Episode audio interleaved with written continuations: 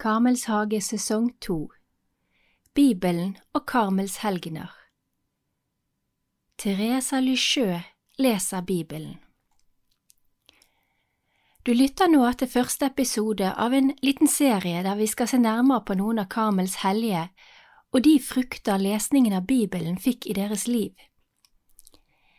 Dette gjør vi ikke fordi vi ønsker å dyrke eller fremheve disse personene som opphøyde eller hellige noe de selvsagt er, både fordi Teresa Lycheux, Johannes av Korset og Elisabeth av Treenigheten, som alle vil få en episode her, er jo erklært hellige av kirken.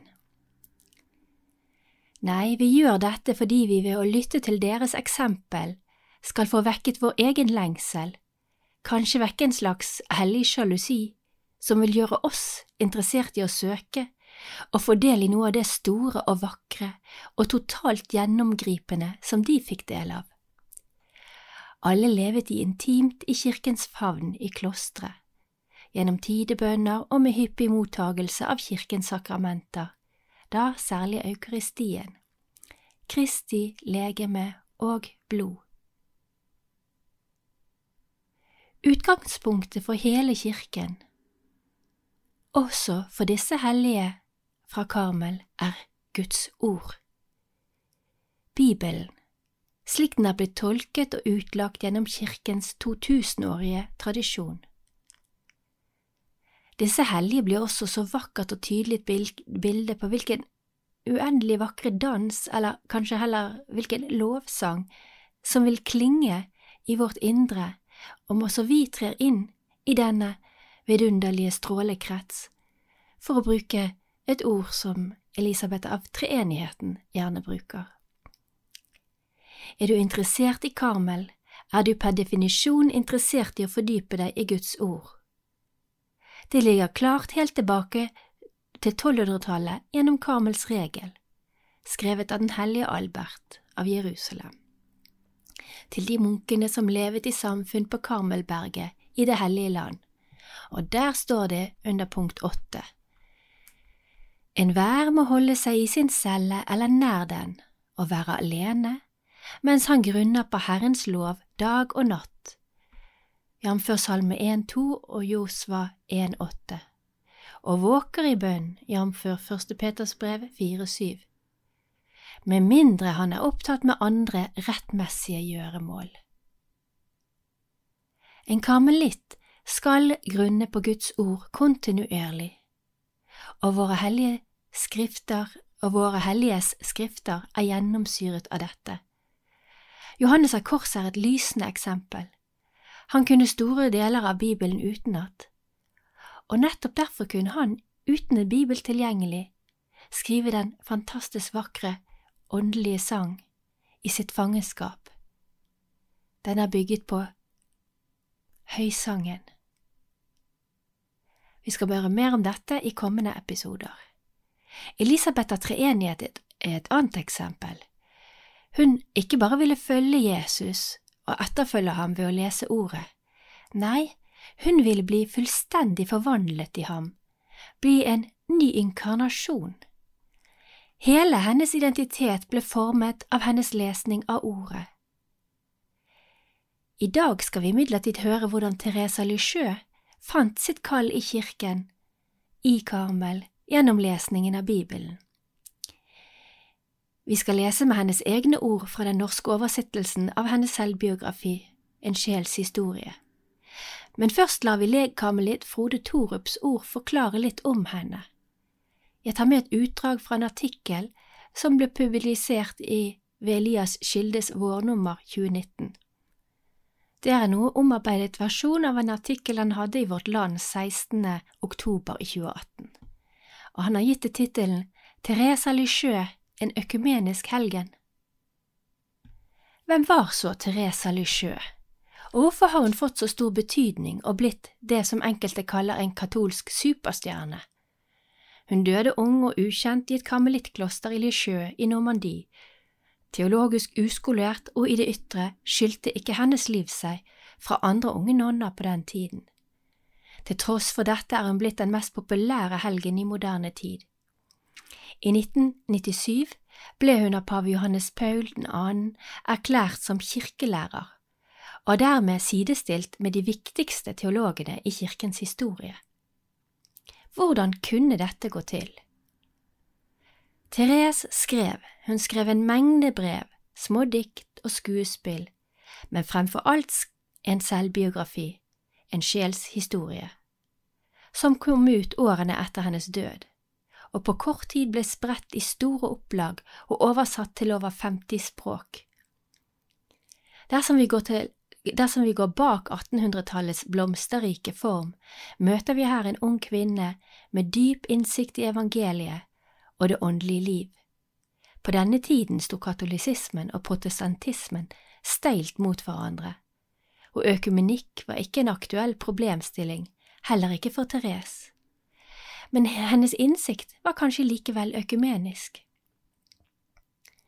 Både Martin Luther og Therese søkte en rettferdig Gud, og begge reagerte på uheldige utslag i samtidens religiøsitet, med vekt på gjerninger, askese, bot og soning. Men reaksjonformene var ulike. Den svenske forfatteren, journalisten Gunnlund Wallquist, skriver om dette. Så smått skulle det stå klart at denne lille nonnen, uten noen teologiske spekulasjoner og uten noen polemikk, har gjort rent hus med presis det samme som Luther, gikk til angrep på med så mye støy. Kravet om at man måtte prestere noe for å bli fortjent, for å kunne fortjene Guds kjærlighet. Luther søkte en nådig og rettferdig Gud, og fant svaret i Paulus brev til romerne. For Therese var òg Paulus viktig, og hun noterte de samme versene som Luther la vekt på i sitt breviar. Vel så viktig for henne var en del tekster fra Det gamle testamentet, fremfor alt Jesaja 66, 12, 13. Dere skal suge, bæres på armen og vugges på fanget. Som en mor trøster sitt barn, slik vil jeg trøste dere. Er Gud primært rettferdig eller miskunnsrik? Therese skjærer igjennom og mener at han alltid er begge deler. Gud er både full av miskunn og rettferdig. Vi kan ikke skille disse egenskapene på samme måte som vi ikke kan skille tro og kjærlighet. For Therese er troen en av kjærlighetens egenskaper. Kjernen i Thereses budskap blir ofte kalt Den lille vei. Vi er helt avhengige av Guds nåde vi strår fremfor ham med tomme hender, vi er små og svake og har ingen prestasjoner å vise til. Therese har hatt enorm betydning for mange katolikker.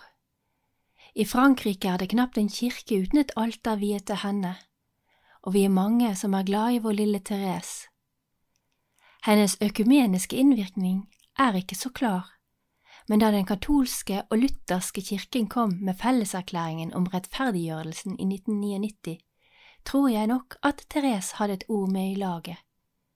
Hun ville uten tvil gått god for følgende sitat. Ene og alene av nåden og ved troen på Kristi frelsesverk, og ikke på grunn av noen fortjeneste i oss selv, blir vi godtatt av Gud og mottar Den hellige ånd, som fornyer hjertene kaller oss og setter oss i stand til å gjøre gode gjerninger. Erklæringen punkt 3.15 Karmelittmunk Wilfrid Stinesen OCD skriver Thereses økumeniske betydning er nok mye større enn vi har innsett, og på dette området har vi sikkert stor, store overraskelser i vente. Nå la oss gå til hennes egne ord fra selvbiografien om hvordan Guds ord åpnet hennes innsikt i kallet. Vi ber, Kom Hellige Ånd, fyll dine troendes hjerter og tenn i dem din kjærlighetsild, du som gjennom de mangfoldige tungemål samlet alle folkeslag til troens enhet. Send ut din ånd, og alt skal bli omskapt, og du fornyer jordens åsyn. La oss be. Gud, Du har opplyst de troendes hjerter ved Den hellige ånd. Gi oss at vi ved din ånd kan glede oss over det som er rett, og alltid bli lykkelige ved Hans trøst, ved Kristus, vår Herre. Amen. Jeg skal i dag lese for dere et litt lengre sitat fra det som kalles for andre brev i hennes bok, 8. september 1896. Og dette skriver hun til sin kjære søster Marie av Jesu hjerte, og hun skriver veldig åpenhjertig om hvilken uendelige, dype trang hun har til å være, som hun sier, kriger, prest, apostel, kirkelærer, martyr. Hun får ikke fred, for hun ønsker å gi så mye til kirken og Jesus. Og det plager henne. Og vi hopper inn der hvor hun begynner å beskrive hvordan hun fant frem til sitt kall, kallet til å være kjærlighet. Under den indre bønnen ble mine ønsker et sant martyrium for meg. Jeg lette meg frem i Paulus' brever for å finne svar. Øynene falt på kapitlene 12 og 13 i Paulus' første brev til korinterne. I det første av dem leste jeg at ikke alle kan være apostler, profeter, lærere osv. At kirken er sammensatt av ulike lemmer, og at øyet ikke på samme tid kan være hånden. Svaret var klart, men oppfylte ikke mine ønsker og ga meg ikke fred. Liksom Maria Magdalena stadig bøyde seg inn mot den tomme graven og til slutt fant det hun søkte, slik bøyde jeg meg ned i det dypeste av min intethet, for deretter å heve meg så høyt at jeg kunne nå målet. Uten å miste motet fortsatte jeg å lese, og følgende setning trøstet meg. Streb med iver etter de største nådegaver. Men jeg vil vise dere enda en enda mer fullkommen vei. Og så forklarer apostelen at de største gavene ikke er noe verdt uten kjærlighet, at den barmhjertige kjærligheten er den mest fullkomne vei, den sikreste vei som fører til Gud. Endelig hadde jeg funnet hvile. Da jeg reflekterte over kirkens mystiske legeme, hadde jeg ikke kjent meg igjen i noe enkelt lem av den Paulus beskriver. Eller det var snarere slik at jeg ønsket å identifisere meg med alle. Den barmhjertige kjærligheten ga meg nøkkelen til mitt kall. Jeg forsto at om kirken har et legeme som var sammensatt av forskjellige lemmer, da kunne den ikke mangle det mest nødvendige og det edleste av dem alle. Jeg forsto at kirken hadde et hjerte, og at dette hjertet var brennende av kjærlighet. Jeg forsto at det var kjærligheten alene som drev kirkens lemmer, at om kjærligheten skulle slukne, så ville apostlene ikke lenger forkynne evangeliet og martyrene nekte å utgyde sitt blod. Jeg forsto at kjærligheten inneholdt alle slags kall, at kjærligheten var alt, at den omfattet alle tider og alle steder. Kort sagt at den er evig. Da utbrøt jeg, overveldet av en vill glede. Å Jesus, min kjærlighet, mitt kall, endelig har jeg funnet det, Mitt kall, det er kjærligheten. Ja, jeg hadde funnet min plass i kirken, og det er deg, min Gud, som har gitt meg den. I min moder, kirkens hjerte, skal jeg være kjærligheten. På den måten blir jeg alt. Slik blir min drøm til virkelighet. Men hvorfor tale om en vill glede? Nei, det er ikke det rette uttrykk, det er snarere den stille og avklarende fred en styrmann erfarer når han oppdager fyret som skal lede ham i havn. Å, du kjærlighetens lysende fyrtårn, nå vet jeg hvordan jeg skal nå frem til deg.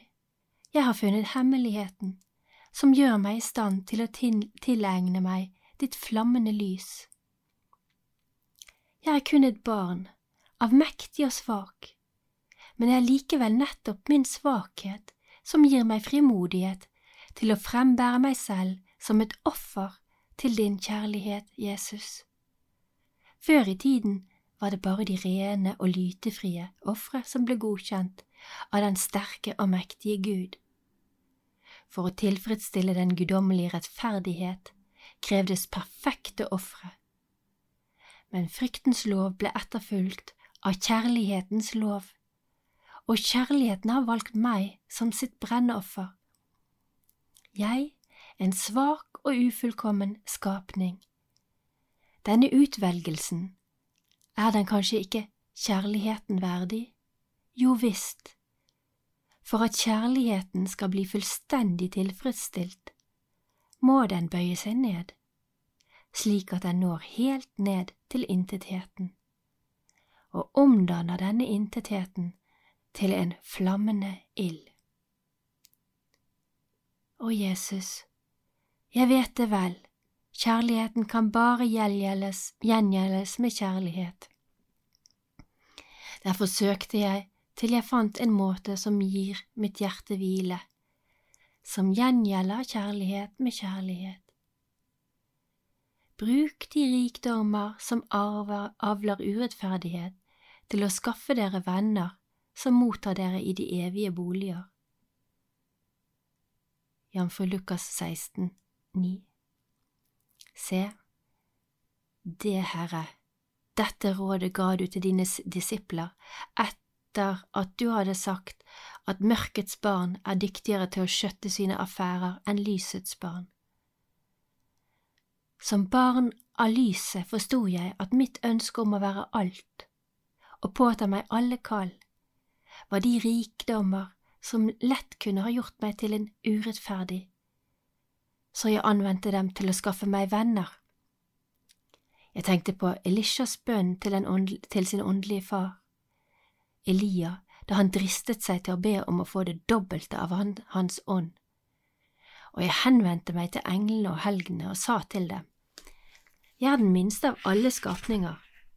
Jeg kjenner min elendighet og min svakhet. Men jeg vet også hvor meget edle og gavmilde hjerter elsker å gjøre det gode, og derfor bønnfaller jeg dere salige som bor i himmelen, at dere må adoptere meg som deres barn, og dere alene vil jeg gi æren for alt dere lar meg oppnå. Men vær så snill å oppfylle min bønn, den er dristig, jeg vet det, men likevel våger jeg, å be, våger jeg meg til å be dere om å gi meg dette, det dobbelte av deres kjærlighet. Jesus, jeg vil ikke forsøke å utdype det jeg ber om. Jeg er redd for at jeg da vil tynges ned under vekten av mine overmodige ønsker. Min eneste unnskyldning er at jeg er et barn. Barn tenker ikke over rekkevidden av sine ord. Men hvis dere foreldre er av fyrstelig rang og eier umåtelig store rikdommer, nøler dere ikke med å oppfylle ønskene til sine små, som de verdsetter like høyst som seg selv. For å glede dem gjør de mange dumheter, og de kan strekke seg meget langt i sin svakhet. Nu vel, jeg er et barn av kirken, og kirken er en dronning siden hun er din brud, o du kongenes konge. Det er ikke rikdom og ære, heller ikke himmelens ære, det lille barnet, barnets hjerte begjærer. Det forstår godt at æren med rette tilkommer dets brødre og søstre, englene og helgenene. Barnets ære vil være gjenskinnet fra den lysglans som stråler fra dets mor, kirkens åsyn. Det barnet ber om, er kjærlighet. Det vet kun dette, å elske deg, Jesus.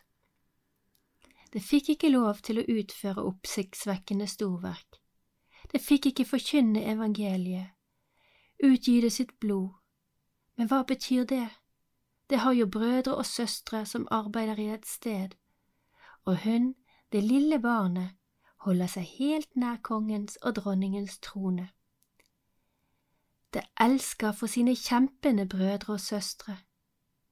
Men hvordan skal det vitne om sin kjærlighet når kjærligheten alltid viser seg gjennom gjerninger? Jo, det lille barnet vil strø ut blomster som vil spre velduft omkring den kongelige trone, og med sin klokkeklare røst vil det synge kjærlighetens lovsang. Ja, min elskede, slik skal mitt liv fullbyrdes. Jeg har ingen annen måte å uttrykke min kjærlighet på enn å strø ut blomster, det vil si, å ikke unnlate å gjøre et eneste lite offer, ett blikk, ett ord, å utnytte alt, selv de minste ting, og å gjøre det av kjærlighet. Jeg vil lide med kjærlighet, og også glede meg med kjærlighet. På denne måten vil jeg spre blomstene for din trone. Ingen blomster vil gå forbi uten at jeg plukker dem og gir dem til deg. Og så, mens jeg strør ut mine blomster, vil jeg synge. Man kunne vel knapt gråte under en slik gledesrik handling. Jeg vil synge selv om jeg blir nødt til å plukke mine blomster blant torner, og min lovsangsmelodi vil bli stadig vakrere desto lengre og spissere tornene er. Å, Jesus, hvilken nytte har du vel av mine blomster og min sang? Å, jeg vet så godt at dette duftende regn, blomstenes skrøpelige, verdiløse kronblader og kjærlighetssangene fra det minste av alle hjerter vil gjøre deg betatt.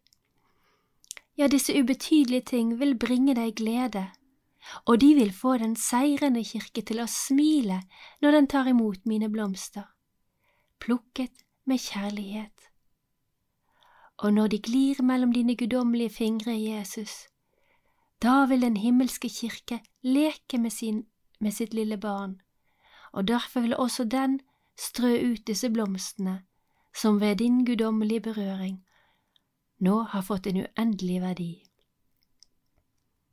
Den himmelske kirke vil strø dem ut over den lidende kirke, for å slukke flammene som piner den den vil kaste dem over den kjempende kirke, så den kan veire, vende seierrik hjem.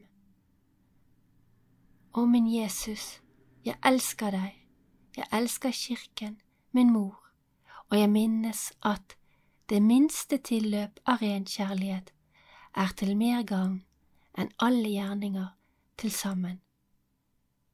Johannes av Korset, Åndelig sang, vers 29. Men finnes den rene kjærlighet i mitt hjerte? Er ikke mine grenseløse ønsker bare en drøm, galskap? Og om det er slik det henger sammen, Jesus, så opplys meg, du vet at jeg søker sannheten. Om mine ønsker er for dristige, så la dem forsvinne, for disse ønskene er for meg de verste av alle martyrier. Likevel føler jeg Jesus, etter å ha strebet mot kjærlighetens høye tinder, at hvis jeg ikke før eller siden når helt opp, da har jeg kjent større glede i mitt martyrium, i min galskap, enn de jeg vil finne blant de himmelske fedrelands gleder. Med mindre du ved et mirakel tar bort minnet om mine jordiske forhåpninger, så la meg derfor her i mitt jordiske eksil fryde meg over kjærlighetens gleder. La meg nyte mitt martyriums sødmefulle bitterhet. Jesus, Jesus, når bare ønsket om å elske deg er så vidunderlig, hvordan vil, ikke, hvordan vil det ikke da bli å eie og oppleve din kjærlighet? Vi har lest fra En sjelshistorie av Therese Alysjø utgitt på St. Olav forlag i 2014.